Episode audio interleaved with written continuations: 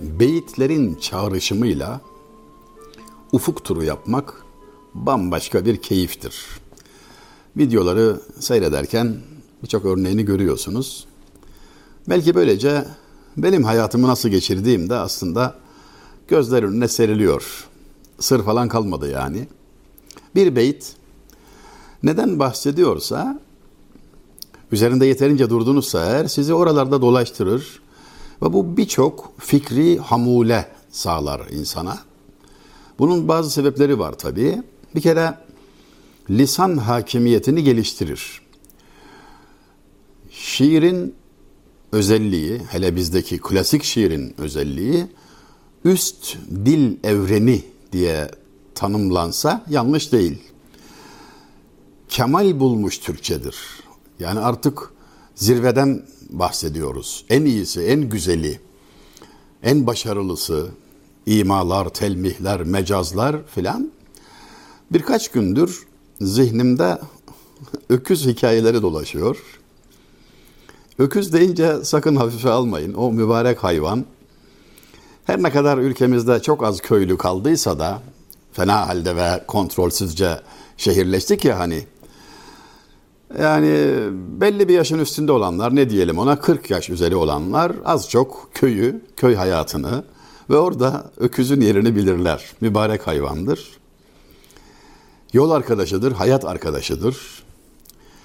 Onunla iyi geçinmeyi tavsiye ederler, etmelidir. İleşberler, hoşça tutun öküzü der mesela şair. Hoş tutmak lazımdır. Kanıyla canıyla senindir. Sana hizmet eder, vefalıdır. Bir vesileyle makale konusu yapmıştım. Şöyle kısaca bir anlatmıştım. Gödek inek diye bir hikaye. Mesele şudur. Eskilerden yani 70'li yıllarda şöyle bir durum vardı ülkemizde. Bizim memlekette gara inek dediğimiz mahalli söyleyişle garinek yani e, Denizlili olmayanlar bu kelimeyle karşılaştığında yabancı dille karşılaşmış gibi şaşırabilirler. Kara inek yani. Küçücüktür, keçiden hallice, çelimsizdir, gösterişsizdir, mütevazıdır. Her işe yarar. Sütü çok lezzetlidir, azdır ama çok lezzetlidir, kaymağı boldur. Sadece süt vermekle kalmaz, çiftçinin arabasını çeker, yükünü taşır, çiftini sürer, her türlü meşakkatli işe koşulur, şikayetsizce sızlanmadan o hizmetleri görür. Hatta çiftçinin zaman zaman dayağını da yer. Yani sırtına vurur onun böyle çamurdan atı çıkarması için dizini kanatırcasında bir gayretle çıkarır, başarır her zaman. Ona hiç hoş davranmaz yani zahiren görüntü budur. De bağ sevdiği kürkü yerden yere vurur derler. Yani onun sevmesi, sevgisini gösterme biçimi de odur.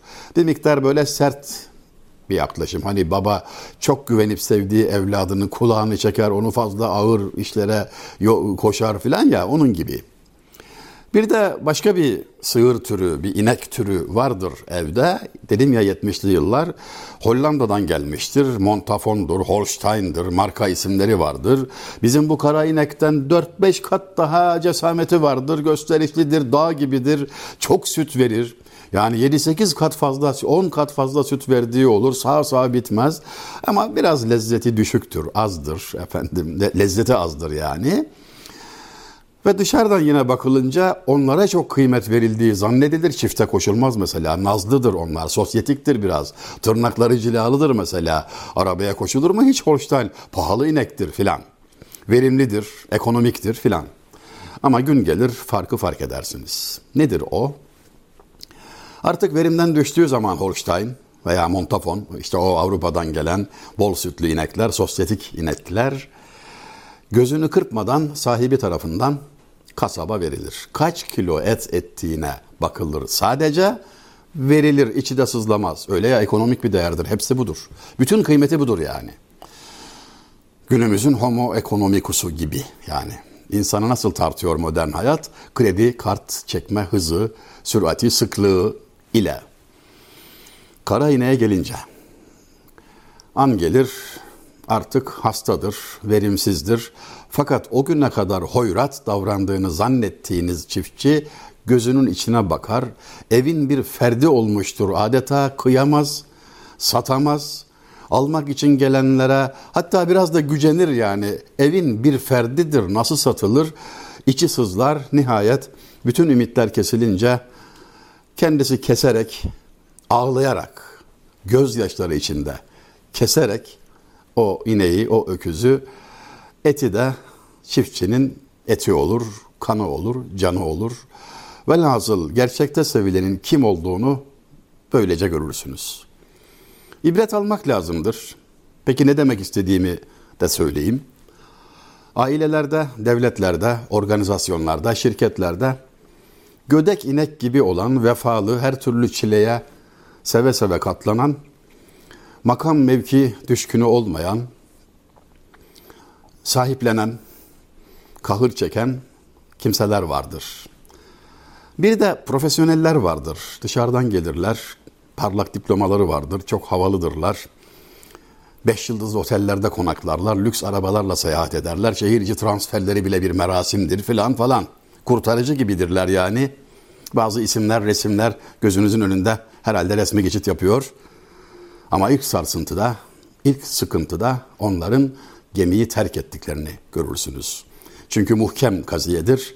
Sallanan gemiyi evvela fareler terk eder. O yüzden işte o vefalıları, o gödek inekleri tanımak, sevmek, kıymetlerini bilmek önem arz eder. Şair Yenişehirli Avni Bey merhum sanki bütün bunları bir beytte toplayıp bize miras bırakıp gitmiştir.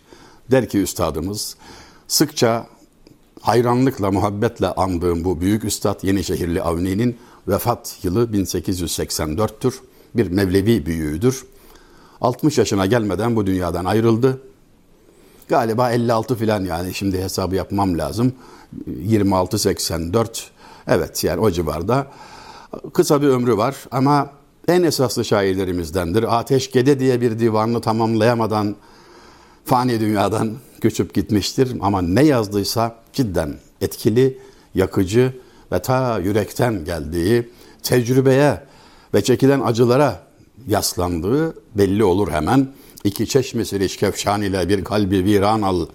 Tükenmez hasra gelmez daimi irat lazımsa diyen adamdan bahsediyorum. Yani hayat sermayeni, ömrünü, elinde neyin var neyin yoksa hepsini sarf edip yanan bir kalp ve ağlayan bir çift göz alabilirsen en karlı yatırımı yapmış olursun. Kıyametler kopsa karın eksilmez. Dünyada yapacağın en büyük ticaret, en büyük kazanç, en verimli iş budur diyor. Bahse dair beyti ise şudur. Sel gider kum kalır ahir buna alem derler. Eyleme aşıkı üftadeni ağyara feda. Yani içimi titreten bir beyttir doğrusu. Sel gider, kum kalır. Ahir buna alem derler. Eyleme aşıkı üftadeni ağyara feda. Sel ile kumu karşılaştırıyor. Muazzam bir şairane karşılaştırma. Mukayese cidden harika. Sel nasıl gelir? Gösterişli gelir. Döne döne gelir. Ama yıkar gider. Haberlere konu olur. Felaket sebebidir. Çok gösterişlidir ve kimse dayanamaz. İşte o gösterişli profesyoneller gibidir. Yani gelişleri ihtişamlıdır. Ama mutlaka giderler. Gitmek için gelirler zaten ve yıkıp da giderler. Yıkar da giderler. Kum ise belli değildir. Sürüne sürüne alttan gelir ve gitmez. Kalır. Yıkmak şöyle dursun. Evin bağın bahçen olur. Onunla kerpiç yaparsın. Tuğla yaparsın, ev yaparsın. Velhasıl işte o mütevazı olanlar, yüzü yerde olanlar, edep sahipleri, samimi olanlar, gösterişsiz olanlar asıl dostlardır. Eyleme aşıkı üftadeni ağyara feda. Mevsimlik aşklarla size yaklaşanları yahut sizin herhangi bir şekilde ama menfaat herhangi bir şekilde makam veya servet veya kuvvet bir şekilde parlak cihetinize bakarak size yaklaşanları, sözüm ona aşık geçinenleri sakın ciddiye almayın.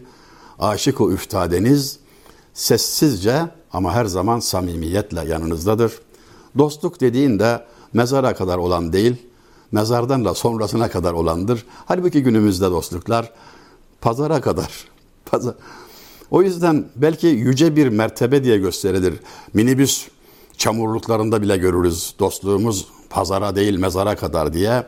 Önerimiz ise bunun da ötesinde. Ebedi hayatta yoldaş olacağınla bugün burada arkadaş ol.